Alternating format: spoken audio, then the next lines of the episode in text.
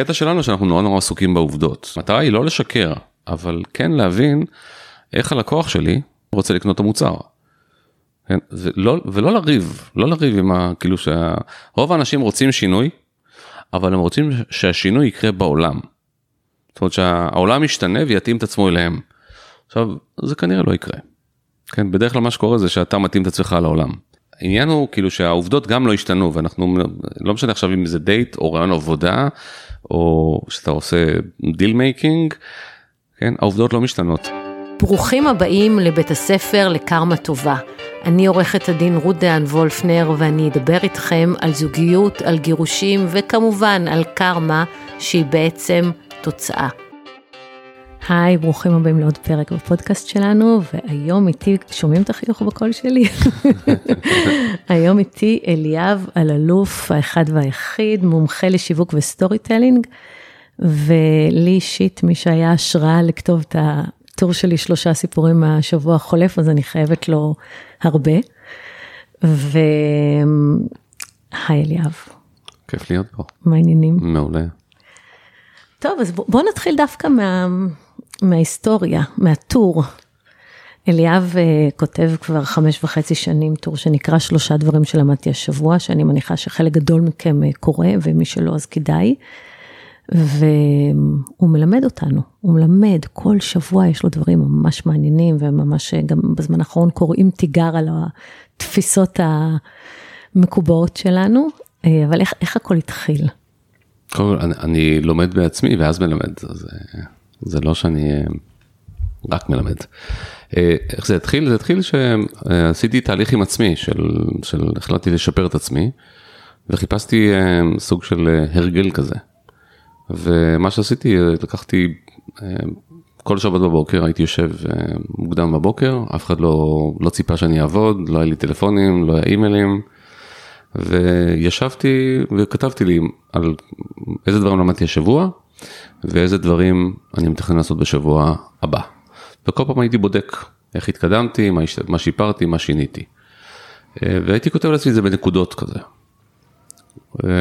איזה פעם אחת החלטתי לכתוב את זה ממש בצורה, בצורה מפורטת כדי כאילו להיות יותר מחויב. ואז אמרתי רגע אם אני ממש רוצה להיות מחויב אני צריך לכתוב את זה בחוץ במדיה. אז פרסמתי את זה. ויצא חמוד כאילו וקיבלתי איזה 700 ומשהו לייקים אז אמרתי בואנה אנשים ממש אוהבים את זה זה נחמד. ושבוע אחרי זה פרסמתי עוד פעם. בשבוע שלישי פרסמתי שוב. וכזה היה נחמד. אחרי בשבוע הרביעי כזה לא, התעוררתי מאוחר בשבת ואני כזה ביליתי יום לפני ואני מתעורר ל... כזה בעשר מסתכל על הפייסבוק ואני רואה שם איזה 20 ומשהו הודעות. מה hey, קרה? איפה השלושה דברים מה קורה אני פה עם הקפה בחכה מה זה כאילו אנשים אנשים גוערים בי ונוזפים בי על זה שאין את הטור שלהם. אז הבנתי שזה שזה כאילו שזה תפס שזה מעניין אנשים ואז התחלתי לכתוב עוד ועוד עכשיו אחרי חודשיים. כזה די מיציתי את ההגיגים הרגילים וזה פתאום הכריח אותי ללמוד ממש לעומק לא רק אה, לשבת וכזה להרהר אלא ממש ללכת וללמוד דברים חדשים. אז התחלתי לקרוא אה, מאמרים ספרים ולחקור אותם ולחפור ולשאול שאלות קשות ו... ופתאום הגעתי למצב שאני קורא ספר בשבוע ומאמרים ו... ועם הזמן הידע הזה גם כאילו התחיל להצטבר. כי פתאום גיליתי סתירות, גיליתי טעויות, אה, התחלתי לשאול שאלות קשות וגיליתי שדברים שכולם יודעים שהם עובדות, הם לא נכונים.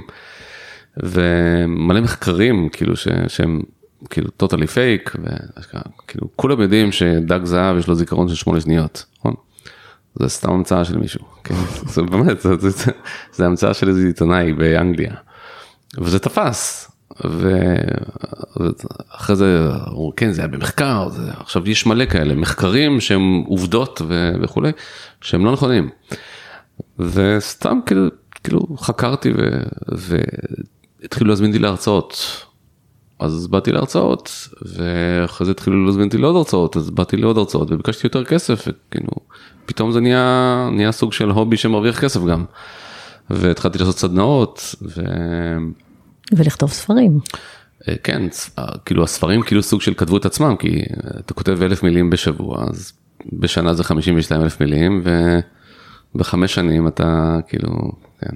אתה כבר בספר השלישי, האמת שגם אני כבר בספר השלישי כותבת אותו אני עכשיו. כתבתי את השלוש, כתבתי כבר שלושה ספרים, אה, יש לי כאילו, אני יכול לכתוב עוד, אבל כאילו, צריך גם לעשות, זה עבודה, זה עריכה, זה להתעסק עם זה. כן, הכ- הכתיבה מסתבר זה, החלק הקל. הכי קל, כאילו ממש, וזה, זה, כן, זה, אנשים חושבים שזה, שזה הקטע קשה, אבל זה לא, יש כתיבה, ולכתוב ספר, הכתיבה של זה, זה, זה החומר גלם זה, בעצם. זה תלוי של מה, כן, אבל אם אתה כותב fiction זה משהו אחר, אה, אבל אני כותב כאילו אה, משהו שהוא non-fiction, נכון? כאילו זה ספרי... אה, אה, כאילו, שיווק, זה כאילו זה- ומודעות. זה, זה נקרא עיון, עיון, כאילו, זה ספרי בדיוק. עיון וזה כאילו ה, זה הז'אנר שהוא הכי פחות פופולרי בקרב אנשים כי הוא מכריח אותך לחשוב.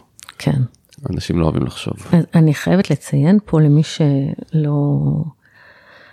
אני ראיתי את הטור של השלושה דברים שלמדתי השבוע וקראתי אותו, קראתי אותו וקראתי אותו, ואז פתאום רציתי גם. וזה בסדר, זה בסדר לרצות גם, זה לא היה מתחרה, זה היה בתחום אחר לגמרי. כן. וחצי שנה אחרי התחלתי גם, ועד היום לא הפסקתי עם השלושה סיפורים מהשבוע החולף, למרות שזה כבר לפעמים לא שלושה, אלא סיפור אחד, וזה עבר התפתחות. כן. אבל זה דבר מדהים, כי זה באמת מכניס אותך ל... למקום כזה שאתה מחויב. בדיוק. גם אני, פעם היה לי ג'טלג והתעוררתי ברבע לעשר, ווואו, אנשים דאגו וכתבו וזה, כן. מה קרה? מה קרה? מה קרה, ודאגנו לך וזה, אז, אבל, אבל זה מצד שני גם מחויבות גדולה, כן. אבל שכרה, שכרה בצידה. זהו, הקטע שזה זה הרגל כזה שמאוד מאוד אה, מפתח. וזה זה מדהים, כן. זה מדהים. תדעו לכם הרגלים קטנים, אבל שאתם מחויבים להם שבוע, שבוע, שבוע, שבוע, שנים, זה, זה משנה לך את החיים, נכון? אפשר להגיד שזה שינה לך, זה- לי זה שינה את החיים. זה, זה לחלוטין, זה הופך להיות סוג של אה, זהות שלך, ויש מלא אנשים שמכירים אותי ולא, הם לא זוכרים שום דבר אחר שעשיתי בחיים, כן, הם זוכרים את זה. וגם יש הרבה יותר אנשים שקוראים את זה ממה שאתה יודע. אה, אני, לי לפחות, אני, אני, אני גם מגלה את זה הרבה, אה, בעיקר אנשים כאילו בתפקידים בכירים וכולי שלא נעים להם כן. להגיב. לא, לא מגיבים, לא עושים לייקים, יש המון המון קוראים שקטים, אני שומעת מדיינים בבית הדין הרבני, באמת, ו- ואני יודעת ששופטים, כן. וכל מיני אנשים קוראים בכל מיני דרכים, ואתה, אין לך מושג. כן, זה נכון. אז, אז בעצם מהטור הזה, מה שלמדת, והאמת שגם אני למדתי את זה, למדנו על storytelling, כמה זה החיים, כמה זה יכול לשנות. זה, זה מיומנות מאוד חשובה. בואו נדבר על זה קצת, כן, למה זה מיומנות חשובה? אני- אני למה חשוב לדעת לספר סיפור? אני קודם כל אגיד לך למה, כאילו, מה אנשים חושבים ששומעים storytelling ולמה זה לא זה. בדרך כלל כשאתה שומע על storytelling אתה חושב שאה, הנה, יש פה איזה מישהו שרוצה למכור קרח לאסקימוסים, איזה מישהו נוכל, נכלולי, שקרן, שרוצה לעשות מניפולציה. עכשיו, אפשר לעשות מניפולציות, אבל בטווח, אה, מה שנקרא, למעט טווח קצר זה לא עובד. אה, אחד, כי, כי רוב האנשים כבר מכירים, וגם אלה שלא מכירים, אז לימדת אותם מהר מאוד. אה, עכשיו, אני, אני, אני מלווה יזמים, מנהלים, חברות בנושא של storytelling, והפנייה הכי נפוצה זה פנייה של, הנה, יש לנו, יש לנו איזה מוצר שהוא קקי, ובוא תגיד לאנשים שזה שוקולד. אז לא עושים את זה. כאילו, למה אתה, למה אתה רוצה לייצר מוצר שהוא סתם מוצר? למה אתה רוצה לתת שירות שהוא סתם שירות? קודם כל, כאילו, תעשה את הדבר השני, ה... יש ל storytelling שני חלקים, אחד זה לשווק את מה שיש, כן, לגרום להסתכל על דברים אחרת, ודבר שני, בעיניי שהוא הרבה יותר חשוב, זה להבין מה אתה צריך לייצר, שאנשים רוצים לצרוך. מה זה אומר? ואני אסביר את זה, כאילו, יש, יש דוגמה שאני אוהב להשתמש בה, שהיא כאילו אה, סוג של מסבירה את זה. אה, יש לי עכשיו, אה, כן, אם יש ילדה קטנה בת שנתיים שרוצה לאכול סופגניה ורוצה שתיים, וכולם מקבלים אחת, ואבא שלה רב איתה שהם כולם קיבלו אחת והיא גם תקבל אחת.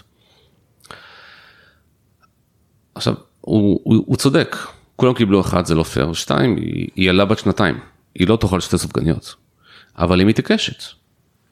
ואז אימא שלה ניגשת אליה, לוקחת את הסופגניה, חותכת אותה לשתיים, ושמה לה חלק בכל יד ואמר לה, הנה, יש לך שתי סופגניות. נשים עכשיו, תמיד הרבה יותר פרקטיות. בדיוק. עכשיו, אה, הקטע של החוכמה של, ה, של האימא, היא חוכמה שאומרת, אני יכולה להתווכח על העובדות, אבל יש, לי, יש פה בן אדם שמאמין במשהו, ואני יכולה להציג לו את זה כמו שהוא רוצה, בלי, בלי לפגוע באף אחד אחר. כן? לא רימיתי אף אחד. כן, זה מה שנקרא נשאל את פי הנערה. זה שתי סופגניות? אז... שתי סופגניות. כן, הנה, יש לך שתי סופגניות. עכשיו, רוב הזמן בחיים אנחנו מתעקשים להתנהג כמו אבא. להיות עקשנים ולריב, אבל עובדה, אבל עובדה, אבל עובדה, אבל זה לא צודק. כאילו, תזרום. תחפש פתרון שהוא, שהוא לא פוגע בך ולא פוגע ב, בילדה. משהו שהוא... תבדוק מה הילדה צריכה, וזה מזכיר לי סיפור אחר, כן. אני לא יודעת אם אתה זוכר אותו, לא יודעת איך זה קשור לפה, אבל זה ממש הזכיר לי, על בת המלך, שאמרה שהיא רוצה את הירח, והמלך קרא לכל היועצים שלו ואמר, תשיגו לה את הירח, והלכו וישבו, ומה זה הירח, וזה זהב, וזה ענק, וזה גודל של הארמון, ואיך נעשה את זה וזה, ורק הליצן בא לילדה ואמר לה, תגידי לי, איך נראה הירח? איזה, איזה, אז היא אמרה, כשאני עוצמת עין אחת, אז הוא בגודל של האצבע שלי, אז הירח הוא בגודל של האצבע שלי והוא בגודל, והוא בצבע צהוב, ועשו לה פשוט שרשרת של ירח, ובזה נגמר הסיפור והליצן עלה בדרגה. אז שאלו את הילדה, מה זה הירח בשבילה? שזה די הזכיר לי את הסיפור הזה, אתה מבין את ההקשר או שזה רק כן. במוח המ... לא, לא, זה, כן, זה, זה בדיוק, פשוט כאילו לשאול ה... את, ה, את הצרכן. כי, כי היא בכלל התכוונה למשהו אחר והם... אה, הם הלכו ובדקו מה זה באמת הירח, וזה כמו שתי סופגניות. אז uh, הקטע שלנו שאנחנו נורא נורא עסוקים בעובדות. עכשיו, זה, שוב, המטרה היא לא לשקר, אבל כן להבין איך הלקוח שלי, כן, במקרה הזה ילדה בת שנתיים, רוצה לקנות את המוצר. כן? ולא, ולא לריב, לא לריב עם ה... כאילו שרוב האנשים רוצים שינוי, אבל הם רוצים שהשינוי יקרה בעולם. זאת אומרת שהעולם ישתנה ויתאים את עצמו אליהם. עכשיו, זה כנראה לא יקרה. כן, בדרך כלל מה שקורה זה שאתה מתאים את עצמך לעולם.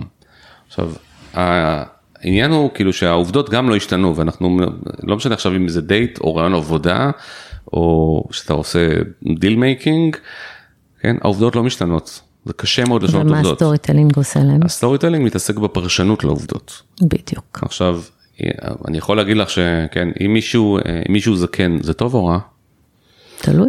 תלוי בנסיבות, זאת אומרת יש, יש מקרים שאני יכול להציג זקנה בתור אה, יתרון, ניסיון, חוכמה, יישוב דעת, מתינות וכולי, כן?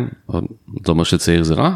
לא, כי צעיר אני יכול להציג אותו בתור אנרגטי, אה, נמרץ, אה, כן, אה, מלא תשוקה לעשייה, שאפתן וכולי וכולי. אז איפה בעצם חשוב לנו ה storytelling? ה storytelling זה, זה, ה story כאילו הוא חשוב בכל, בכל נקודה שבה אתה בא במגע עם אנשים אחרים. כשאתה עובד מול מכונה, אז יש עובדות, כן, אם אני עכשיו, אני אם אתה במעבדה ועושה ניסוי בביולוגיה, אז יש עובדות. אם אתה עובד מול מחשב, יש לך עובדות. או שהקוד עובד או שלא, יש את הקוד האופטימלי, אם אתה עושה תרגיל במתמטיקה, יש תשובה נכונה. בעולם של אנשים, לעומת זאת, ההפך מתשובה נכונה, זה תשובה נכונה אחרת, בהרבה מאוד מקרים. Mm-hmm. והמשמעות של זה זה שכל פעם שאתה בא במגע עם אנשים, אתה מציג את ה... הם צריכים לאהוב את זה או לא לאהוב את זה. עכשיו, העובדות לא קובעות את זה.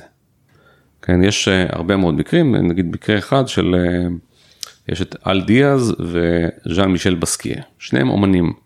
הם היו חלק מצוות שנקרא סאמו. כן, והם, אה, מה שנקרא, כאילו היו צמד מחתרתי כזה, עד שז'אן מישל בסקי אמר די, מספיק להיות מחתרתי, אני רוצה לעשות כסף. והוא התחבר לאומנים מפורסמים והצליח לעשות מכירות מאוד יפות, אז היה 25 אלף דולר לאייטם, שזה המון כסף. ואל דיאז נשאר אנונימי. כי אל דיאז רצה שהעבודה תדבר בעד עצמה. וז'אן מישל בסקי הבין שהעבודה לא מדברת בעד עצמה, אלא אם כן, כן, כן, זה, היא יכולה לדבר במרכאות, אם אתה מאוד מאוד עוזר לה ואתה מחבר אותה לכל מיני אומנים מפורסמים. אה, אותו דבר ב, גם בעולם האומנות, אה, שני האומנים הכי האבסטרקטים המצליחים בעולם, אה, קנדינסקי ו... ופיקאסו, הם גם במקרה אלה שהיו הכי הרבה חברים שהיו אה, אומנים אחרים, עוצרים ומשקיעים, אוס, אומנות. זאת אומרת, כאילו, עכשיו זה לא אומר שהם לא ציירו יפה, אבל זה אומר שהרבה מאוד אנשים אחרים שציירו יפה, לא זכו לאותה הכרה, כי לא היה להם את המיליה, לא היה להם את ה... עכשיו, האנשים שמחכים שהעובדות ידברו על עצמם, מגלים מאוד, כאילו, בסוף אנשים ידעו. לא, בסוף אתה תמות. כן, עכשיו... זה כולנו. ובינתיים, מה יקרה? בינתיים אתה תחיה עם תסכול. למה? כי התעקשת אה, לדבוק באיזשהו רעיון ילדותי, שהעובדות צריכות לדבר בעד עצמן. כאילו שמי... אבל פה אתה דיברת עכשיו, אתה כן. מרוב שאתה בעניין של שיווק, אז הכל נראה, הכל, אתה דיברת בעצם כן. על זה שאתה צריך להיות מקושר, שאתה לא צריך לחכות בשק, בשקט ולצפות שמישהו יראה את העבודה שלך ויכיר אותה, שזה לגמרי נכון. אבל אני רוצה דווקא, כאילו, אני קצת... ספציפית על הטכניקה? אני, לא, של... אני מתעקשת איתך, כי אני כן. כאילו מתקרצצת איתך בקטע הזה, אוקיי. storytelling. ספציפית. איך, כן, למ, איפה אנחנו פוגשים, אני יודעת למשל שבבית משפט, כן. לגמרי, לגמרי, storytelling. זאת אומרת, לא יהיה תיק, שאני אבוא ואגיד, התחתנו ביום הזה, חיו ככה וככה, נולדו הילדים, קנו בית, כן. שלום, תודה, לפרק. זה כרונולוגיה. חייב שיענו. להיות הסיפור. כן. כי הסיפור בעצם מבדיל את הדף אוקיי. ומוציא את האדם לאור. אז... אבל אני רוצה ביתר המקרים שאתה תראה איפה יש עוד storytelling בחיים. מה שאנחנו עושים ב storytelling, קודם כל המטרה של storytelling זה, זה לייצר חיבור רגשי. אמ, לקהל מטרה, בדיוק. כדי לשנות התנהגות או, או תפיסה. אוקיי. עכשיו, מה זה אומר? תחשבי נגיד על סרט שאת כנראה אוהבת, אישה יפה. ג'וליה רוברטס, פריטי וומן, Mm-hmm. אז כאילו, למי שלא זוכר, אז מסופר על... אה, זונת צמרת. זונת רחוב. זונת רחוב, זונת רחוב נכון, שנהייתה זונת צמרת. ושאוסף אותה אה, ריצ'רד גיר במכונית שלו, בלוטוס. שהוא אביר על הסוס הלבן. כביכול, זה בסוף, כן. אבל הוא אוסף אותה והוא לוקח אותה למלון, ו... ואנחנו אוהבים אותה. עכשיו, כשאני שואל אנשים, גם כאילו, הוא אוהב אותה. למה, למה אתה אוהב, כאילו, למה אתה אוהב את ג'ולי רוברטס? אתה, אתה זוכר מה היא עושה כן, היא פרוצה, אז אתה אומר, אוקיי, אתה אוהב פרוצות? לא, אז למה אתה, אתה אוהב, אז אתה לא יודע לענות. והסיבה שאתה אוהב את הפרוצה הזאתי, כי השתמשו בטכניקה. יש טכניקה של, אחד, הם לקחו קודם כל הנרטיב של, של פריטי וומן, של אישה יפה, זה נרטיב של סינדרלה. וכדי שהיא, שהיא תהיה סינדרלה, אז הם היו צריכים לעשות כמה דברים. אחד, הם לקחו את, יש לה תפקיד לא טוב. אז איך אתה מכבס אותו למשהו חיובי? אתה דואג שכל האנשים סביבה יהיו נוראים. עכשיו אתה מסתכל על כל הדמויות בסרט, את כולם עשו פגומות. עשו את החברה שלה, למשל החברה שלה שהייתה גם, גם חברה שלה למקצוע, אה, עשו אותה מאוד אה, מאוד מאוד זנותית ומאוד בוטה ודוחה כזאת ומתלבשת נורא ו... אה, כדי, כדי שנשווה ביניהם. לא הראו לנו את ג'וליה רוברטס עם לקוח אחר. אם כן זה היה הורס את כל הסיפור. אה, כל הדמויות, אתה יודע, יש את הדמות של אה, אה, מי שאחרי זה היה ג'ייסון אלכסנדר, שזה ג'ורג' מסיינפלד. כן. אז הוא כאילו היה עורך דין של... כן. ועשו אותו דמות רעה, דמות רעה כזאת, מניפולטיבית, וכל הדמות האחרות, יש שם כל מיני עשירים שהם כאילו מזויפים, ולא השאירו אף דמות שהיא נורמלית בסרט, למעט הדמות של ג'ולי רוברטס. וריצ'רד גר. וריצ'רד גר. עכשיו, אני חושבת שעשו אותה גם שובת לב, אתה רוצה שיהיה שם אבל עכשיו, כאילו... הסיבה, הסיבה שאת רוצה כי הם עבדו לפי נרטיב, והם ניקו את כל האפשרויות שלך להתנגד לזה, ואת לא שמה לב בכלל שזה עובד. עכשיו, יש uh, קטע שממש לקראת הסוף, שהוא מציע לה כסף, הוא אומר לה בואי אני, אני אשכן אותך בדירת פאר, אני אתן לך כסף כל חודש, ומתי שאני בעיר אני אפגוש אותך. לכאורה, זו עסקה סופר הגיונית. והיא אומרת לו, לא, אני אוותר. וזה כאילו, זה, זה נראה לו, נראה לו לא, לא שפוי, אבל אנחנו מבינים אותה. ואז היא הולכת לדירה שלה, ואחרי כמה דקות הוא מתעשת, והוא נוסע, מגיע עם הלימוזינה, שזה כאילו הסוס הלבן, אה, הוא אה, מטפס, אה, מטפס עם, על המדרגות חירום עם, האלה. עם המטריה, כן, עכשיו, יש סיבה למה יש לו מטריה, כי כדי להגיע למדרגות חירום, כן. יכול, אבל המטריה זה כמו חרב.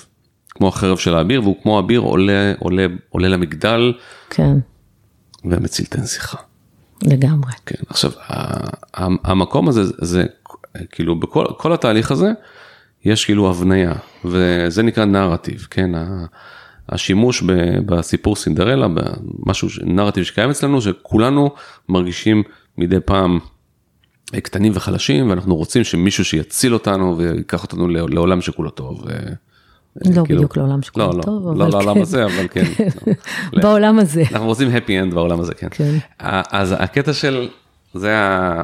יש גם סצ- סצנה אחרת שבאותו סרט, שהיא נכנסת לחנות, לחנות ברודאו דרייב, ואי אפשר לשכוח את זה. ואז, ו- והן לא, לא משרתות אותה כי הן, כי הן חושבות שאין לה כסף. וכאילו למחרת או באותו יום יותר מאוחר היא חוזרת עם, אחרי, אחרי שעשתה שופינג משוגע, נכון? ב, בחנות אחרות, ואז היא מגיעה עם כל השקיות, והיא אומרת להם, את זוכרת אותי? הייתי פה אתמול? כן, אז היא אומרת לה, כן, את עובדת על עמלות, נכון?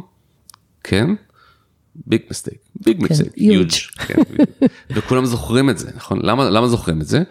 כי זה כמו דוד וגוליית. כן. כן, זה מישהו שהגיע ולא ספרת אותו ופתאום הוא מנצח. כן, הוא ניצח את הרעים. עכשיו, המוח שלנו עובד ככה. אנחנו רוצים סדר בעולם ו storytelling עושה לנו סדר. ויש סיפורים, יש, יש ממש ז'אנרים של סיפורים. אה, ויש אה, לנו כל מיני רעיונות שאנחנו קנינו ומסדרים את העולם. כן, נגיד, כן, karma is a bitch, זה רעיון, זה לא עובדה. דרך אגב, רק שתדעו כן. שהעובדה של הספר הראשון שלי קוראים קרמה איזה ביץ', זה אשמתו של אליהו. אני ממש לא העזתי לקרוא לזה ככה, ואז התייעצתי איתו, והוא אמר לי, ברור, זה, זה השם. זה אחלה שם, כן, זה אחלה שם של ספר. זה, זה מייצר בולטות ועניין, זה, מצוין. זה כמו, אה, זה הספרים, זה ספר של מרק מנסון, כן? The, the subtle art of not giving a fuck. ופאק, כן, אבל ש- עם השני כוכביות. בסדר, אבל עדיין אתה יודע מה כן, כתוב שם, כן? כן. וזה, וזה עובד, זה עובד כי זה, זה מטלטל לרגע, וזה כן. תופס את העין. וזהו, גם, גם קר באיזה ביץ' זה מגניב. קרמה זה- איזה ביץ' זה גם נכון, זה- בדרך כלל. כן, לא, זה, זה, זה, לא, זה לא בהכרח נכון, אבל את מאמינה שזה נכון. כי זה עושה, זה עושה לך סדר, זה מייצר לך כללים, ויש יש עוד הרבה דברים שהם משמשים אותנו.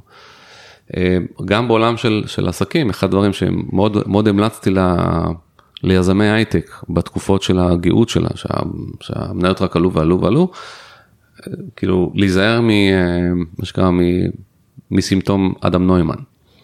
שאדם נוימן חטף חזק מאוד, לא כי הוא לא היה בסדר, או זה לא העניין, כאילו, העניין הוא שתחשבי, אדם, אדם היזם של WeWork. עכשיו, הוא היה שותף ב-WeWork, כאילו, היה לו עוד שותף. איך קוראים לו? אין לי מושג. בדיוק. בלי לבדוק בגוגל, רוב האנשים לא ידעו. כאילו, למה זה קרה? זה קרה כי הוא, הוא עבד לפי, לפי נרטיב של עלייתו ונפילתו. שאתה מצליח ומצליח ומצליח והכל עובד טוב, זה, זה מדהים, ואנשים מפרגנים לך, אבל הם מחכים לרגע שתיפול. כי אז זה סיפור לא פחות טוב. נכון? זה חטא היוהרה. ו, ומה שצריך לעשות זה שאם הכל הולך לך טוב, תתחיל, לת- תן קרדיט לאחרים. ואז זה מקלקל את הנרטיב. ואז אין סיבה לשנוא אותך, ואין כן. סיבה לאחל לזה שתיפול. כן, זאת אומרת, אם תיפול וזה, לא, לא, כאילו, פח, הרבה פחות אנשים ישמחו לעד. וזה גם כן, זה, ה storytelling עוזר לנו להבין איך אנשים תופסים את העולם. כי אנשים, אנשים תופסים אותו בסיפורים. עכשיו, ה, ה, ה, כאילו, אחד הסיפורים הכי נפוצים זה, אני לא כזה. כאילו, אז זהו, כולנו כאלה. לא, אנחנו כאלה, זה, אי, אי אפשר לקלוט את העולם, אי אפשר להבין את העולם בלי סיפורים. כן, סיפור הבריאה, מה הוא עושה? הוא מסביר לנו, הוא עושה סדר. כן, למה, למה אנחנו פה? עכשיו, המדע לא עושה את זה. המדע אומר לך, כן, היה, היה לפני ארבע וחצי מיליארד שנים, ש... אוקיי, מה זה מיליארד בכלל? איך אני מדמיין את זה? לא יודע. היה מפץ. כן, היה מפץ, איפה היה מפץ? בריק, מה זה אומר? למה היה מפץ? מי עשה אותו? למה זה קרה? אז- אוקיי, עכשיו זה, זה, נורא- זה, ההסבר המדעי הוא מעצבן, כי הוא לא נותן לי מסגרת, הוא לא, הוא לא, לא נותן לי סיבות. מה, אוקיי, אוקיי אז, אז מה, אנחנו תוצר של אבולוציה של איזה יצור חד-תאי שהתפתח מ... ממה? למה זה קרה? איך זה יכול להיות? לא, לא, לא, לא, לא הגיוני. עכשיו, עכשיו, עכשיו, שגם היום אגב, שיש לך הרבה מאוד מדע ויש לך, לך אינטרנט וגישה לנתונים ו- וידע וכולי, את לא, אה, עדיין רוב האנשים, כן, אה, מאמינים שיש אלוהים, וחלק גדול מהאנשים, כאילו, בעולם בכלל, מאמינים בסיפור בריאה. יש יותר שם, כאילו אנשים שמאמינים בזה מאשר במפץ הגדול. Mm. כן, סתם כאילו עדיין, למה? כי זה, זה גם עושה סדר בחיים וזה גם נותן לך מסגרת חברתית וזה קשור למסורת ולהיסטוריה. זה, זה, אנחנו צריכים את זה. אנחנו נכנסים פה לשדה מוקשים שאני מציעה שנצא ממנו אז יצאנו, ברגע זה, יצאנו. במיוחד לאור תוצאות הבחירות. בעזרת השם. כן, זהו. בואו לא, בוא לא ניכנס ל- אוקיי. לשדות מוקשים אוקיי. שאנחנו יודעים ללכת בהם. אמ, אבל אני, אני רוצה לעבור איתך לעוד נושא שהוא מרתק בעיניי, שזה שיווק עצמי. אנשים, קודם כל אנשים חושבים ששיווק זה מחלה, שזה מילה רעה. אני לא אוהב לעשות שיווק, אני לא, אני, אני לא איש שיווק. מי שיש לו עסק ולא עושה שיווק, העסק שלו לא יגיע רחוק, בעיניי. אבל לא, נכון? אני מניחה שאתה מסכים איתי. אני חושב שגם אנשים שאומרים לך שיש הרבה אנשים שאומרים, שאומרים שהם לא אוהבים לעשות שיווק או הם לא עושים שיווק. אבל זה גם זה חלק מהגימיק זה חלק השיווקי שלהם. מהשיווק, כן. כן, של... העניין הוא שאם אתה מקשר שיווק עם, אה, עם רעש וצלצולים אז זה, זה ממש לא בהכרח. זאת אומרת, אפשר לעשות שיווק במגוון רחב של דר- דרכים ויש גם דרכים שהן אה, מתוחכמות. שהן מתוחכמות ואגב לא כל הדרכים אה, מצריכות ממך להיחשף. כן, זה, זה לא זה לא must. כאילו, נגיד, למשל, כאילו הדרך הדרך שנגיד שאת בחרת לעשות פודקאסט וכולי זה זה חשיפה ציבורית. אבל אתה לא חייב לעשות את זה ככה. זה תלוי במי הלקוחות שלך וזה תלוי באישיות שלך. ו... לא כולם חייבים פודקאסט. אף אחד לא חייב שום דבר, כאילו, אתה חייב לנשום, אבל זהו. כן. אה, מה שאתה, אתה, תעשה מה שמתאים לך. עכשיו, אתה יכול לשווק את זה בצורה ישירה או בצורה עקיפה. כן, תמיד אה, יש את העניין של, ש, ש, ש, ש, שאומרים, כן, אומרים לך, תגיד, צריך להעביר את המסר הזה וזה, אבל מי יגיד אותו? כן, דווקא הרבה פעמים, אה, אם לקוחות שלך מדברים עליך, או אנשים אחרים, זה הרבה יותר טוב. נכון. כי... טסטימוניאלס. כן, למשל, אז אה, שזה, שזה גם כלי שיווקי. ואז כאילו זה לא אתה מדבר על עצמך, אתה, כן, עכשיו, העניין הוא זה, זה ליצור, זה ליצור מציאות שמקדמת אותך. גם לייצר תור מחוץ לדיסקוטק, כן, מועדון לילה. כן. פעם היו קוראים לזה דיסקוטק, כן, כן. מועדון לילה, אז, אז זה, וסלקציה, ולא מכניסים כל אחד. זה, זה דרך מצוינת לייצר, לייצר תחושה שיש שם מוצר ממש טוב, בלי קשר למוצר עצמו. במסעדה שאתה לא יכול להזמין חודש מראש. אתה לא יכול להזמין ואין אין זה אני מצטער כאילו זה נגמרו המנות או אנחנו מגישים עד שהסיר נגמר או כל מיני זה גימיקים שיווקיים. זה גימיקים שיוצרים בעצם אה, תחושת מחסור. אני חייב את זה עכשיו כי עוד מעט לא יהיה לי. תראי, תחושת זה, יש הרבה מאוד כלים כן תחושת מסור זה, זה אחד מהם זה לא ה- שלמה ארצי, מאז שנת 1990 בהופעה האחרונה. נכון? אתה מכיר את זה? ש- שלמה ארצי הוא אה, זה הוא, הוא, הוא איש עסקים לא פחות מאשר שהוא אה, הוא אה. זמר. כן, הוא עושה. הוא הופעה אחרונה בהחלט. גם עידן רייכל מאוד טוב בזה. הם, כן, הם לא רק אומנים, הם, הם, גם, הם גם מבינים ביזנס וגם לוקחים את זה ברצינות. עכשיו, כמו שצריך. העניין זה, זה לקחת את זה אה, למקום שנוח לך, למקום שמתאים לך, למקום שהולם את הערכים שלך. ובפירוש לא, זה לא אומר לשקר וזה לא אומר לבלף ולא- או לזייף, או, זה, זה, אני אומר, תמיד יש, יש לך בחיים שלוש אפשרויות. אתה יכול לעשות עבודה נהדרת ולהיות נאיבי ולחכות שזה מישהו ישים לב, שזה בדרך כלל לא קורה, לא בצורה משמעותית. זה כמו השני המונים האלה. אתה יכול להיות, חזרנו אליהם. אתה יכול להיות, אה, אתה יכול להיות אה, שקרן ונוכל ו, ו, או, או קשקשן שעושה הרבה רעש עם, עם מעט מאוד אה, תוכן, זה אופציה ב', ואופציה ג' זה להיות מצוין במה שאתה עושה וגם לעשות שיווק שמתאים לך, אבל כמו שצריך. אה, ואני אומר שאין שום סיבה בעולם שלא תהיה ג'. נכון. תעשה שיווק שמתאים לך, לפי הערכים שלך, לפי העקרונות שלך, אבל תעשה שיווק, אבל גם תהיה מצוין. תהיה מצוין. זה לא, כאילו, זה לא סותר. זה הפוך, זה מחזק אחד את השני. נכון. ואיך אנחנו עושים שיווק אישי? לא מקצועי, אישי. כן. שיווק אישי הוא, הוא אה, זה, וזה רלוונטי פה זה לקהל. משהו שהוא קשה לנו, אה, זה, זה, זה רלוונטי גם, גם שאתה בעולם של מקצועות חופשיים, או שאתה זה העסק, אתה הבעלים של העסק, אתה הדומיננטי בעסק, וזה גם רלוונטי ב, ב, דייטים. בעולם של dating, כן. כן. עכשיו, העניין של, ופה העניין זה להבין איך אנשים חושבים בצורה אוטומטית. כן, עכשיו, רובנו רוב הזמן עובדים על אוטומט. אה, הסיבה לזה היא, היא מאוד מאוד אבולוציונית, הישרדותית. לדוגמה, אם עכשיו אה, אני רוצה שתדמייני אנשים, אנשים מסוימים, אז אני יכול להשתמש במילים מסוימות. כן, נגיד אם אני מתאר לך אה, גבר, גבר מצחיק, כן, את כנראה לא תדמייני גבר מושך, תדמייני כאילו מישהו שהוא או נמוך או שמן או כאילו, הוא לא יפה, הוא לא חתיך, הוא לא... עכשיו, למה זה? כי המוח ישר מקפיץ את הדפוסים מהעבר. עכשיו את מה, כאילו נזכר בחיים, נגיד תחשבי בבית ספר, מי היה הילד המצחיק? הוא לא היה מלך הכיתה, הוא לא היה מלכת הכיתה, זה לא היה גאון של הכיתה, זה לא היה בריון של הכיתה, זה לא היה אתלט של הכיתה. מי זה, מי נשאר? אצלי בכיתה זה היה ילד קטן וחמוד שאני עד היום זוכרת אותו שקראו לו צביקה. כן, אז ילד קטן וחמוד. כן, נכון? הוא היה ילד קטן וחמוד. אבל הוא לא היה מושך. מבינה? עכשיו, הדרך שלו לקבל אהבה הייתה להיות מצחיק. כן. עכשיו אנחנו פוגשים, רוב האנשים שאנחנו פוגשים כאלה, כן, זה לא תמיד נכון, אבל זה נכון לגבי רוב האנשים. כן, זה, זה סוג, סוג של הכללה, והמוח שלנו עושה את ההכללה הזאת, הוא אומר, כאילו אם אני צריך להמר, אז זה, ה, זה העניין. עכשיו, אה, יש, יש אנשים שחושבים, כן, זה בסדר, זה לא בסדר, זה לא משנה אם זה בסדר או לא, זה מה שמשנה שככה זה קורה, וזה קורה באוטומט. עכשיו זה גם קורה ברעיונות עבודה, כן. עכשיו אם אני רוצה שתחשבי שהיא בחורה יפה, מה תגיד? אני אגיד שהיא, אה, אה, יש לי מישהי, אה, כאילו, היא קצת ביצ'ית. איזה בחורה יכולה להרשות לעצמה להיות ביצ'ית? פצצת על? כן. עכשיו, אם היא ביצ'ית זה אומר שהיא מודעת לזה. היא משחקת את המשחק, היא מעטלת בגברים. ואז אתה אומר שנייה, מי אמר שהיא ביצ'ית? מי שהתלה בו, נו מה יגיד? נכון? ואז היא, בעצם תיארתי לך מישהי מושלמת, כן? אבל אני לא אמרתי לך שהיא מושלמת, את אמרת את זה לעצמך. ואפילו את לא אמרת את זה, את הרגשת את זה, זה עוד יותר חזק. ואם הרגשת את זה, זה עובדה. עכשיו, אנשים מאמינים למה שהם מרגישים.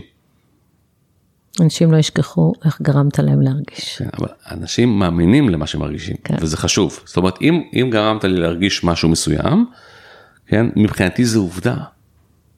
עכשיו, נגיד יש ספר שנקרא חשוב והתעשר, כן, או, אתה אנטי על הספר הזה, הרגת את נפוליאון ניל. אה, אנטי, אני לא אנטי.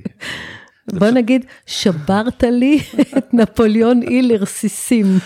זה ספר שכתב אותו אדם שכאילו נוכל, שברח מהחוק באין ספור הזדמנויות, והורשע בזיוף ובמרמה.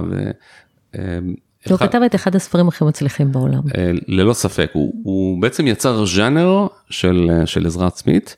ומה שהוא עשה, ומה שהוא עשה טוב בספר, כן, מבחינה שיווקית, הוא כתב משהו שנשמע הגיוני.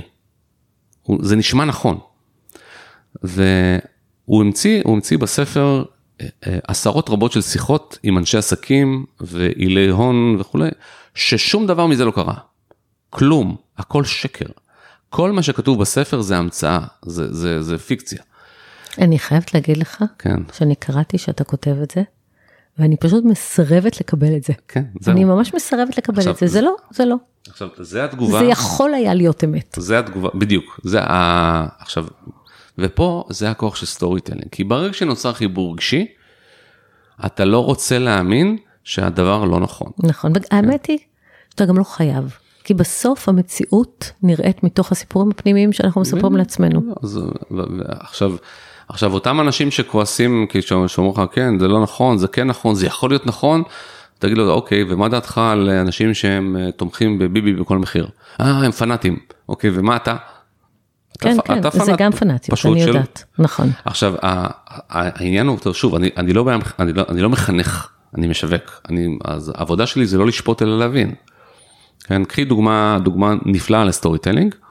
כן אה, ספר שנקרא האדם מחפש משמעות, ויקטור פרנקל. ויקטור פרנקל, ברור. כן. עכשיו ויקטור פרנקל, מה אנחנו יודעים על הספר? מה אנחנו יודעים על ויקטור פרנקל? ש... שהוא היה ניצול שואה, הוא היה באושוויץ, או... כן, כן, כן, והוא המציא את הלוגותרפיה, אני יודעת עליו הרבה, אז חבל. מצוין. עכשיו, מה, מה את לא יודעת עליו? ש? מה לא? אם אני לא יודעת מה שאני לא יודעת. אוקיי, אז מה, מה שאת לא יודעת עליו זה, כמה זמן הוא היה באושוויץ? כמה חודשים? שישה ימים. יפה. כן, עכשיו, הוא היה בעוד מחנות, כן, אבל אה, הוא היה רופא. וברוב המקרים הוא היה רופא שטיפל באנשים, כאילו, היה רופא גם, הוא אחרי הרבה זמן הוא היה במחנה שהוקם בתור פיקציה של, ה, של הנאצים להראות לעולם שכל השמועות על מחנות השמדה הם לא נכונים וזה סתם בסך הכל זה מחנה שבויים כאילו אבל לגיטימי לחלוטין והנה יש להם אפילו רופא. לזה, אז מה, ו... אבל הוא בכל זאת פיתח תיאוריה אז איך זה יכול להיות? אז מסתבר שוויקטור פרנקל היה ילד פלא כזה, ובגיל 16 לקח אותו אלפרד אדלר, כן, שזה מאבות הפסיכולוגיה, והוא אה, הפך אותו לבן טיפוחיו. והוא לקח אותו לחוג, ובגיל 16 ויקטור פרנקל היה מעביר הרצאות על משמעות החיים. אה, בערך עשור אחרי זה הוא, הוא הסתכסך עם אדלר ואז הוא uh, עבר למנטור אחר שקראו לו זיגמונד פרויד. Mm. אוקיי. זיגמונד פרויד מימן לו לימודי רפואה. הוא הלך, uh, זה, הוא הלך, הוא, הוא, הוא, הוא הפך להיות רופא ואז כאילו כמה שנים אחרי, לא מעט שנים אחרי, הוא, הוא uh, נלקח למחנות, אשתו גם כן, והיא לא שרדה, הוא כן. עכשיו העניין הוא שכל הסיפור, כל הכוח בסיפור של ויקטור פרנקל, זה שהוא הגה את הרעיון כשהוא היה באושוויץ. עכשיו בספר שלו הוא לא כותב כמה זמן הוא היה שם. עכשיו הוא היה בארבע מחנות, אחד מהם היה אושוויץ, באושוויץ זה היה הכי פחות זמן.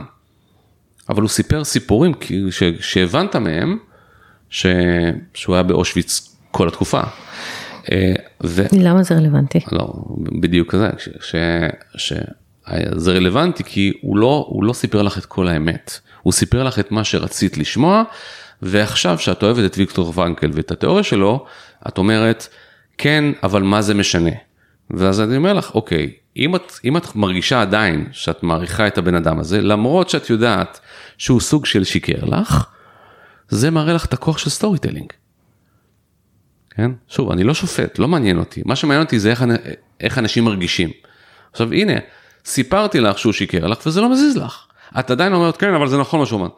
לא זה לא. אני, עכשיו אם היית יודעת מראש. אני אומרת שהוא לא דייק בעובדה. הוא לא דייק. כן. הוא לא דייק בעובדה אבל הלוגותרפיה זה תורה שהצילה הרבה מאוד אנשים נתנה משמעות להרבה מאוד אנשים ואני רואה את הדבר הטוב בה. מצוין. וזה, עכשיו אני לא אומר שזה רע. מה שאני אומר ששימי לב שאם היו משווקים לך את זה דרך עובדות לא היית קונה את זה. Okay. אוקיי. את קנית את זה דרך storytelling. וגם שגילית שקצת מרחו אותך, עיגלו פינות וכולי, ולא סיפרו לך את הסיפור הנכון, לא סיפרו לך שהוא, היה, שהוא, שהוא דיבר על זה 25 שנה לפני. מה שהקסים אותה, מה שתפס אותך זה שהוא הגה את זה דווקא במקום הכי נורא בעולם, ודווקא שם הוא הבין כמה חשוב, כמה חשובה משמעות החיים, וכמה חשוב לדעת למה אתה רוצה את מה שאתה רוצה. אני, אני חייבת להגיד לך לגבי ויקטור פרנקל, שמה שבעיקר אני זוכרת מה, מהטקסטים שלו, זה שהוא אמר שהם לא יכולים, הם יכולים לקחת מאיתנו את החופש, יכולים לקחת מאיתנו את החירות, יכולים לקחת מאיתנו את הכל, את מה שאנחנו חושבים בתוך הראש, אנחנו לא יכולים לקחת, לא אי אפשר לקחת מאיתנו. ואת זה אתה יכול לחשוב גם אם אתה יום אחד באושוויץ. אז אני, אני בוחרת מה, לא, שאת, לא, לא להפוך בדיוק. אותו ל... אז אני, מה, מה שאת אומרת עכשיו זה בדיוק מחזק את העניין של storytelling. זאת אומרת תראי אפילו שהנה את בן אדם אינטליגנט אני מציג לך את העובדות ואת עדיין לא רוצה לראות אותן. זה לא נכון אבל. בדיוק. את אומרת, את תתק... אה, עכשיו, עכשיו לא משנה מה יקרה, את תגידי לי שזה לא זה וזה ובכל זאת זה כן. עכשיו אם היו מציגים לך את, ה, את, ה, את הסיפור העובדתי של ויקטור פרנק, זה לא, זה לא היה קוסם לך. מה שעשה לך את זה, זה שהוא הגה את זה באושוויץ. וזה לא נכון, זה לא קרה באושוויץ. זה קרה הרבה לפני. אוקיי. אושוויץ נתנה, בעצם... לו את, ה, נתנה לו את, ה, את, ה, את, ה, את הסיפור את המגניב, את, ה, את הסיפור המגניב לספר ש... עכשיו, מה העניין? העניין שלא משנה מה העובדות, משנה מה אני מרגיש. ואני מרגיש שאני אוהב אותו וזהו, ואתה לא תגיד לי אחרת. וזה, עכשיו, בר... וזה מה שעושה storytelling. ברגע שסיפרת סיפור ויצרת חיבור רגשי, קשה מאוד לשבור את זה. נכון. ואז תגיד, כאילו, למה אנשים מצביעים לביבי? כי נוצר חיבור רגשי. כן, זה... זהו, זהו.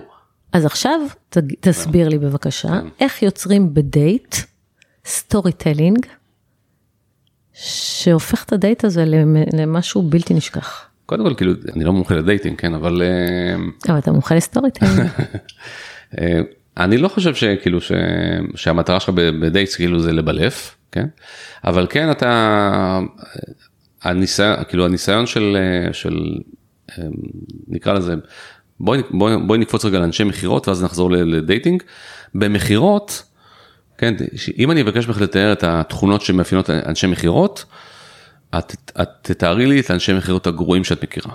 את אלה שמוכרים מכוניות משומשות כן, במגרש. את, ב... את, את הנוכל, את הסליזי, את השקרן, המניפולטיבי, זה שיב שסמוך עליו, מילה זה לא מילה וכולי. כשבפועל האנשי מכירות המצליחים ביותר בעולם הם בדיוק ההפך.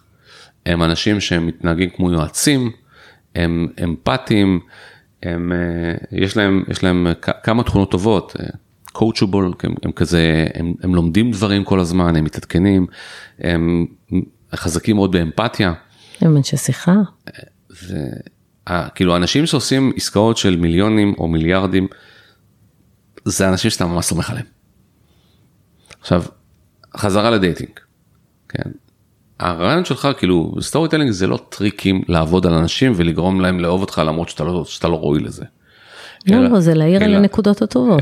אלא להציג אותך בצורה מסוימת. עכשיו, אה, הקטע של, של אה, כל דבר שאת, אה, שהוא כאילו לא טוב אצלך, את רוצה, את רוצה להציג אותו בצורה שהיא מחמיאה. אבל לפעמים גם זה טוב להציג משהו שהוא לא טוב. כן, אמרת כן. לי קודם שברגע שאתה מציג תכונה לא טובה, זה כן. נותן אמינות לתכונות הטובות. כן, זה, זה נקרא פגם אסטרטגי. כן. זאת אומרת, אם אני עכשיו מציג לך דוגמה של מוצר, יש לי אבקת כביסה שהיא גם, גם מנקה טוב והיא גם טובה לאיכות הסביבה. תגידי, לא, לא יכול להיות. אם הם, כאילו, זה, זה כימיקלים, אם זה מנקה ממש טוב, זה רע לסביבה. אבל אם אני אגיד לך שזה, אבקת כביסה היא 4 אחוז אה, פחות טובה בניקיון, אבל היא 82 אחוז יותר טובה ב... באיכות הסביבה, זה אמין.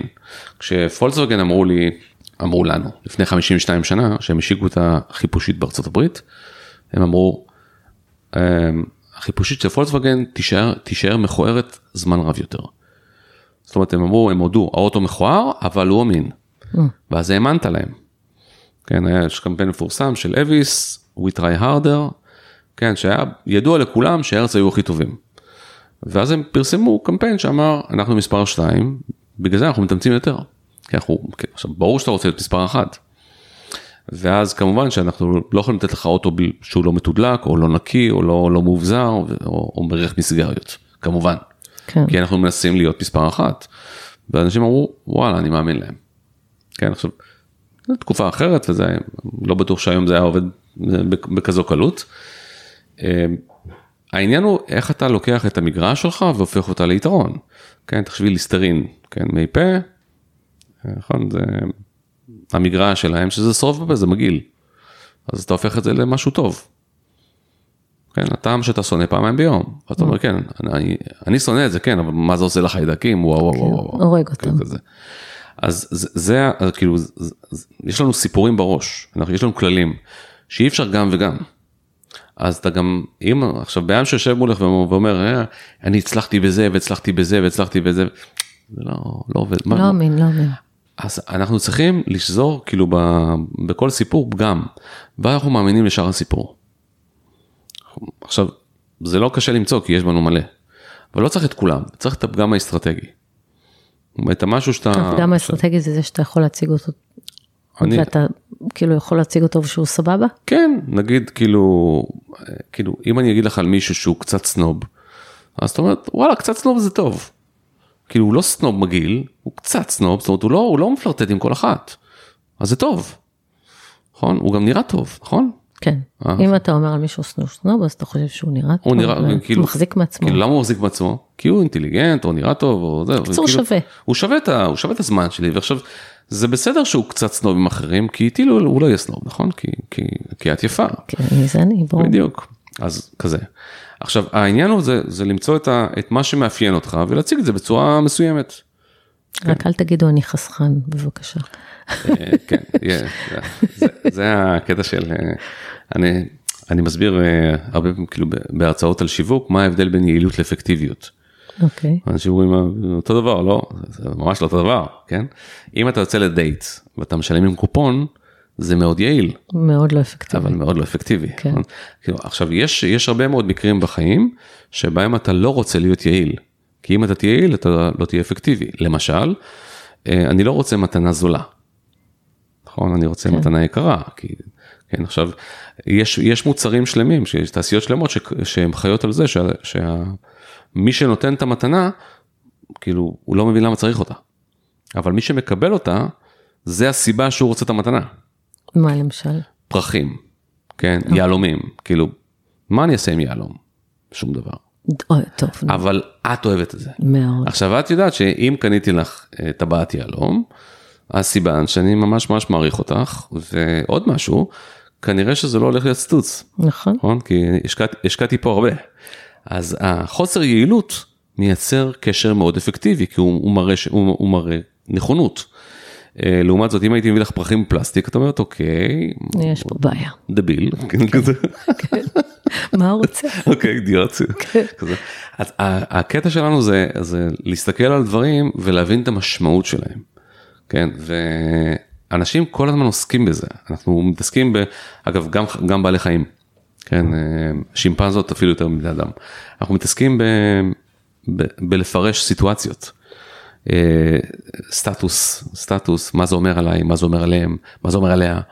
אה, אם אני אומר את זה, אם אני לובש את זה, אם אני נוסע באוטו כזה, אם אני מבלה במקום כזה, אם אני מסתובב עם אנשים כאלה. כל דבר, אנחנו כל הזמן עוסקים, מה זה אומר עליי, מה זה אומר עליי, מה זה אומר עליי. וזה ממש, זה כאילו, בצד של השיווק, כאילו, אם אתה מוצא, אם אתה מוצא משהו שאנשים רוצים להיות, כן, זה נקרא aspirational marketing. מצאת כאילו בור שומן, כאילו זה, זה, זה, זה אין סוף כסף. כי אנשים שהם הם רוצים להצדיק את הזהות שלהם, הם ישלמו כל מחיר. כן, עכשיו, אה, אייפון. אייפון, כן, דוגמה, דוגמה, כאילו עכשיו, ללכת לקנות אייפון ב-5,000 שקל, יש אנשים ש, שמרוויחים את ה-5,000 שקל בחודש. ויש להם אייפון ויש להם, 14. יש להם אייפון 14. עכשיו אתה אומר, למה? כי הוא אומר, תראה, אף אחד לא יודע שאני גר ב, ב, בחדר אצל ההורים בראשון לציון. אבל הם כן רואים את האייפון שלי. נכון? אז אני, כאילו עכשיו, עכשיו יש גם אנשים שהופכים את זה לאידיאולוגיה, כן? של, אה, אני נגד מכוניות. לא, אתה לא נגד מכוניות, פשוט אין לך כסף לאוטו. אבל כאילו, כן, הכ- זה- זה שיווק רע. הקטע של, העניין הוא לא לשקר, אלא לתת, אה, כאילו להציג דברים באור מסוים, כן? הנה, ויקטור פרנקל שיקר, מבחינתך לא, אבל זה, זה בדיוק סטורי זה הוא- איך אתה מציג את הדברים. זהו, עכשיו, אה, כן, זה, אתה יודע מה מזכיר לי סיפור הקופונים, כן, למי שחושבת שאם יוצאת עם מישהו והוא משלם בקופון אז יש פה בעיה, מהמם. אז uh, הייתה אצלי מישהי שהיא במערכת יחסים עם מישהו עמיד, ו... וזה הולך ומתפתח טוב. והיא אמרה שבפעמים הראשונות הוא שילם עם קופונים, והיה לה ברור שהוא בוחן אותה, אה, כן, ממש בחן אותה, אז תשימו לב מי משתמש בקופונים גם. כן. למרות שבואו, על פניו אל תשתמשו בקופונים, לא, זה, בדייטים. זה, זה, כן, כן, ה- הנקודה זה להבין את הסיטואציה, יש אנשים שהם, שלא רוצים שיאהבו אותם בגלל כסף, שלא רוצים מה? שיאהבו אותם בגלל כסף, כן. כן, יש או, להם כסף, יש הם הרבה לא רוצים, כאלה. אלה שיש להם המון כסף, יש להם המון אישויים עם זה, זה מפחיד, כן. זה מפחיד, כי הם, הם תמיד בטוחים שקודם כל רוצים אותם בגלל הכסף. יש, אני כאילו, אני, אני מכיר גם וגם, כן, אני כל מיני, אבל זה, זה באמת לא נעים, כי אתה לא יכול לדעת. כן. זה- אז בוא, בוא נדבר רגע על שיווק באתרי היכרויות. אה, זה, זה, אוקיי. זה, אני חושבת שזה מיומנות שצריך ללמוד. כאילו, יש, יש כל מיני סוגים של אתרים, אז אה, כל, אה, כאילו, יש אתרי היכרויות שהמטרה שלהם זה לא, זה לא לייצר היכרויות, אלא לייצר אה, סטוצים. כי- טינדר וזה, או שטינדר כן, זה כבר לגיטימי? למשל, לא, אני, אני לא, שוב, אני לא שופט אף אחד. אוקיי, הכל לגיטימי, זה חוקי, לא? כן. אבל אה, יש עניין של, שבו אתה מייצר כאילו אה, שיטה מסוימת, ואז אנשים מגיבים לשיטה. עכשיו בטינדר מה שקורה, רוב, האנש, רוב, רוב הגברים הם מחליקים ימינה כמעט הכל. מה זה אומר? אני לא... מחליקים ימינה לא זה אומר. זה אומר אני מאשר, אני רוצה. אה, את כולם? עכשיו למה זה? כי הוא אומר, למה, למה אני אבזבז זמן עכשיו על לבדוק אם מישהי מתאימה לי או לא, כשהיא לא, כשהיא לא אמרה כן.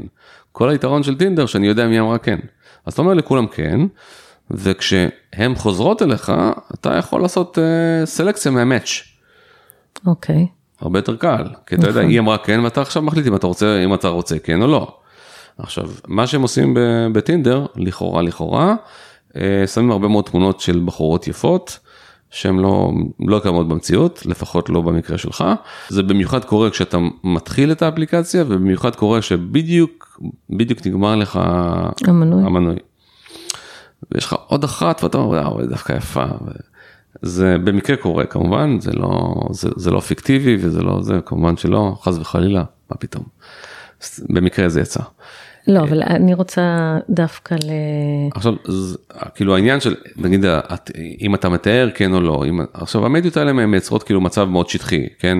מה חשוב לך בגבר?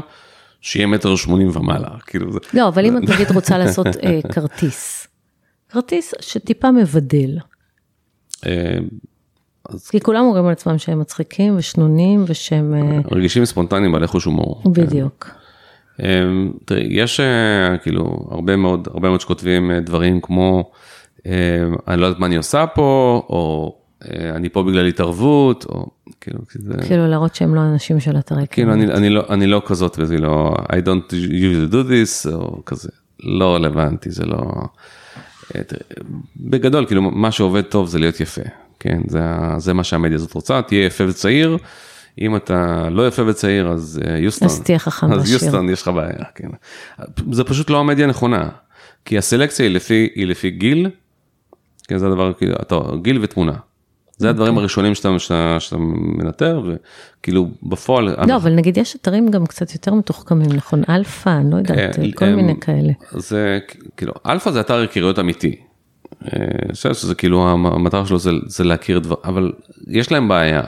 והבעיה שברגע שאתה מצליח, כאילו, אתה מפסיק להיות לקוח. אתה, הם, הם, הם כאילו מאבדים את הלקוחות בשנייה שזה מצליח אז להם. פה זה, כן. התראיינה בפודקאסט דוקטור לירז מרגלית, ואמרה שכל האלגוריתם שלהם בנוי על זה שדווקא לא יהיה שידוך, אלא שתהיה לקוח חוזר. כן, זה, שהם הם מתעצבנים, אני חושב שהיא התכוונה לטינדר בטח, לא, היא לא אמרה איזה אתר. אני חושב שטינדר, היא דיברה על טינדר, אבל, אנחנו לא יודעים ואנחנו לא יוצאים פה בהצהרות על אתרים. אה, לכאורה, לכאורה. לכאורה, מה לכאורה. אנחנו יודעים? לא, לא יודעים, זה לא, זה, אין לנו מושג. גם יכול להיות שזה לא נכון. כן, יכול להיות שזה זה השערה. בדיוק. אין לדעת. אבל יש כל מיני, זה, יש, יש במבל, ויש, אבל בכל הדברים האלה, הבעיה המרכזית זה שאתה לא, לא מאפשר לאנשים להכיר על איזשהו בסיס, איזשהו בסיס שהוא מהותי. כן, נגיד, אה, הדרך הכי טובה להכיר בעולם האמיתי זה דרך אנשים אחרים. עכשיו, הדרך הכי טובה באמת זה מה האנשים אחרים שלא מכירים אותך טוב חושבים עליך. טוב, זה כאילו אה, שידוכים. לא, אבל זה מה שאנשים שלא מכירים. איך מה אנשים שלא לא, מכירים חושבים עליך? אנשים, כאילו, תחשבי שנגיד, אם היית, אם היית צריכה אה, להכיר לי מישהי, כן, היית עושה עבודה יותר טובה מאשר מישהו שמכיר אותי ממש טוב. כן.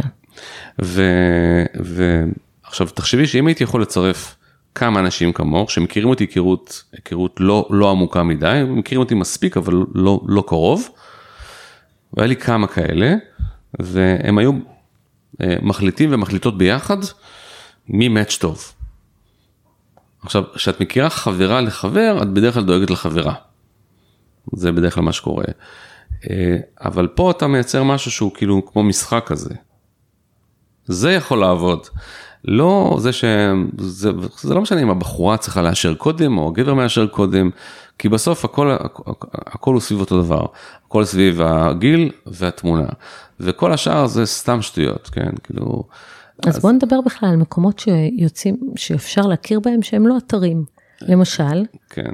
אה, אני הייתי השבוע עם החצי נכד שלי אה, בג'ימבורי. חירפתי נפשי, כן, כל הכבוד לך. באמת, לא משנה, זה שבר לי את הגב, כי אתה יודע, בגיל 50 ומשהו זה כבר קשה. אישה אמיצה. אבל כן, אחר כך כל הצעירות אמרו לי, מה עשית? מי הולך לג'ימבורי? כן. אבל קלטתי שיש שם הרבה מאוד אבות בהסדרי ראייה. אותי זה כמובן לא מעניין, וגם לא בגיל, כן. אבל, אה, אבל דרך אגב, ג'ימבורי נראה לי, במיוחד בשבת בבוקר, אחלה מקום ל dating, כן, זה מקום מעולה. כל, כל מקום ש... שכאילו... שהוא לא לשמו. בדיוק, הקטע של מקומות טובים ל dating זה מקומות שאתה כאילו לא עושה dating, כן? היום אה, חלק אה, לא מבוטל מהקורסים של NLP זה בעצם מקומות של dating. כן? למה? כי אתה מגיע לשם וזה לא אמור להיות dating. אז אם אתה קורא זה קרה במקרה, ואז אין לך את המתח שנלווה לדייט. בדייט אתה בסטרס, כן. כי אתה רוצה להצליח. זה קצת כמו רעיון עבודה, נכון? אתה רוצה לקבל את העבודה. עכשיו, אפילו אם אתה לא רוצה את העבודה, אתה רוצה לקבל את העבודה. אתה רוצה להיות זה שאומר לא, מקסימום. אתה, אתה אומר, אני, אם, אם לא מתאים, אני אגיד לא. אבל זה כאילו זו סיטואציה של עכשיו יש שם הרבה מאוד הרבה מאוד עניינים כאילו יש אנשים שהם כאילו שיוצאים אבל לא מחליפים תמונות לפני או לא עושים וידאו לפני למה לא? כן. כי מה? אפקט השוק. כאילו כי אני לא עכשיו ואז אתה מגיע לזה וזה לא מה שציפית או אז, אז עכשיו שרפת ערב ולא נעים וצריך להעמיד פנים. כן לא, לא משנה למה כאילו לא משנה מאיזה צד אבל כאילו הרבה אנשים לא נראים כמו שנראים בתמונת פרופיל שלהם כן. אם התמונת פרופיל שלך זה גיל 30 ואתה בן 45 אז. תחליף מאמי תחליף. כן, בסדר. כן. אף אחד לא יכעס. אף אחד לא יכעס שתחליף ותעדכן את התמונה. כזה. אה, או שאם יש לך פוטושופ אה, מוגזם כאילו אלא אם כן את יכולה לבוא עם הפוטושופ במציאות אז מיותר. כן אה, כאילו אי אפשר להתחיל קשר מ... או אפשר אבל לא כדאי להתחיל קשר על בסיס כזה של פיקציה. כן אנחנו רוצים לתת צ'אנס אבל הרבה יותר קל לקבל את הצ'אנס הזה כשאתה פוגש מישהו במקרה. נגיד בלימודים או שאתה באיזה קורס או שאתה בקבוצת ריצה במקפה בבוקר. אה, קבוצת ריצה זה מעניין כאילו נגיד כי אחד הדברים שיצא לי קצת לבדוק את נושא החדרי כושר בארצות הברית ושם עבור לקוח ויש קטע שהרבה מאוד נשים לא רוצות להתאמן, לא עם גברים אחרים, כי הם לא נראות טוב עדיין, כאילו, זה, יש להם שיפולים פה ושם, וזה, זה, הם לא רוצים שגבר יראה אותם בלי איפור ומזיעות וכולי, ובהרבה מקרים גם לא, הם לא רוצות שנשים אחרות יסתכלו עליהם. כי גם נשים יכולות להיות מאוד מאוד רעות ושיפוטיות. ואז הן פשוט מחפשות אה, אה, מקומות שאפשר להתאמן בהם בלי להתקלח במקום ורק עם נשים. וזה עובד. כן עכשיו יש קהל לכל דבר צריך לשים לב כאילו יש דברים שאנשים לא אומרים. כן אז שאתה מנסה להבין כאילו הסיבה שאנשים לא אומרים כי התגובה האוטומטית של רוב האנשים זה זה כן נכון זה לא נכון צודק לא צודק כן בסדר לא בסדר. כל מה שיש שיפוטיות, אנשים לא יגידו את האמת. עכשיו ש...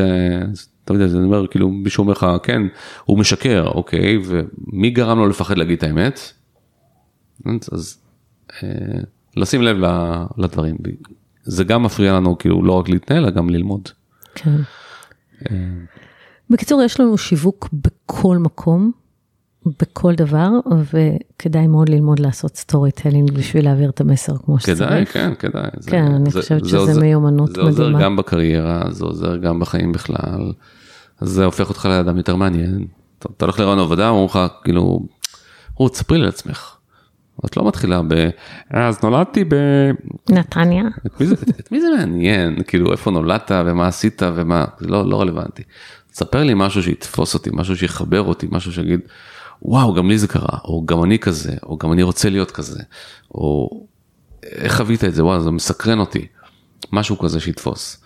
כן אה, האמת שבגיל אה, בגיל 16 כן אה, התקשר אלה, התקשר המורה לאימא שלי הביתה מנהל מנהל מגמה ואמר לה גברת אלאלוף אני רוצה רוצה קבענו להיפגש מחר אבל באמת אין טעם הבן שלך אידיוט לא יוצא ממנו כלום חבל שהוא בא לבית ספר. אז אמא שלי אומרת לו, מה? על מה אתה מדבר? הבן שלך לא חכם. שילך ללמוד מקצוע וזה שכל אין לו. עכשיו, סיפור שקרה, כן? וכמובן שאמא שלי באה בא לבית ספר והוא אמר את אותם, את אותם דברים עוד פעם בפניי ואז היא צעקה עליו וכולי והיא לא ויתרה. ו... אבל באותו רגע כאילו זה מאוד מאוד השפיע, כן? כי דמות שהוא סמכותית, שהוא המנהל מגמה, יכול לגמור ילד כזה איש מאוד חכם וזה, והוא אומר לך אתה אידיוט. והאמנתי לו. ורק כאילו אחרי כמה שנים ש, שהייתי כבר ב, בלימודים ופתאום אתה, אתה, כאילו, כאילו הציון הכי טוב בכיתה, אליאב אלאלוף. אני אומר, איך זה יכול להיות? אני, אני אמור להיות טיפש, אני לא יודע אני, איך, אני הציון הכי טוב? לא הבנתי את זה. כי הייתי אמור, והוא כאילו ליווה אותי כל החיים. וכל פעם שהיה לי קשה, שהרגשתי שבא לי לוותר, הוא תמיד כאילו קפץ לי ואומר לי, אה, הנה, הוא צדק, אה? והשתמשתי ב, ב, ב, ברגע הזה, ב, בעלבון הזה, בתור כוח מניע. עכשיו, תחשבי כמה אנשים בחיים שאת מכירה, חוו כזה רגע, עם מנהל, בוס, הורה, מישהו שירד עליהם, מישהו שהשפיל אותם, מישהו שעקץ אותם. מישהו שאמר להם שהם לא יכולים. מישהו... אני יכולה לספר גם סיפור כזה. לא? שלחו אותי למבדקי הדרכה בצבא ממש אחרי הטירונות, ונורא רציתי, זה היה תפקיד יוקרתי כזה, ורק פעם ראשונה שבנות עושות אותו, נשים עושות אותו, ואימא שלי אמרה לי, נו באמת, לך יש סבלנות להיות מדריכה, אין לך סבלנות לזה. ואני באתי והיא אמרה לי את זה בבוקר של המבח... המבדקים, והייתי הכי טובה שם. קיבלתי את הציון הכי גבוה מכולם, וקיבלתי את התפקיד כן. הכי יוקרתי, ואחר כך הייתה מאוד גאה בי, אבל, אבל זה היה המשפט הראשון, והייתי חייבת להיות הכי טובה. כן. יש איזו תופעה של מה, ש, מה שתיארת עכשיו, זה יש משהו שנקרא להיות בזון שלך, להיות במצב של זרימה, ויש צ'קליסט, אה, יש שיטה של כל מיני דברים שאתה, שאתה יכול לעשות כדי להביא אותך למצב הזה. יש, יש מדע מאחורי זה. אחד הדברים הכי טובים ש, שאפשר לעשות כדי להיכנס למצב הזה, זה שמישהו יבטל אותך. שמישהו, ש... אבל לא במניפולציה, אלא מישהו שכאילו כאילו לכאורה אמיתי, הוא בא ואומר לך, מי את, מה את שווה בכלל? כזה, מישהו שממש לא סופר אותך. זה מוציא מאיתנו את המיטב. לגמרי. טוב, אליאב, וואו, דיברנו המון. אה, אני ממש מודה לך שבאת, היה מעניין מאוד מאוד מאוד. אה, וזהו, ומי שעוד לא אה, עוקב אחרי שלושה דברים שלמדתי השבוע, אני ממש ממליצה. תודה. תודה לך. ביי. ביי.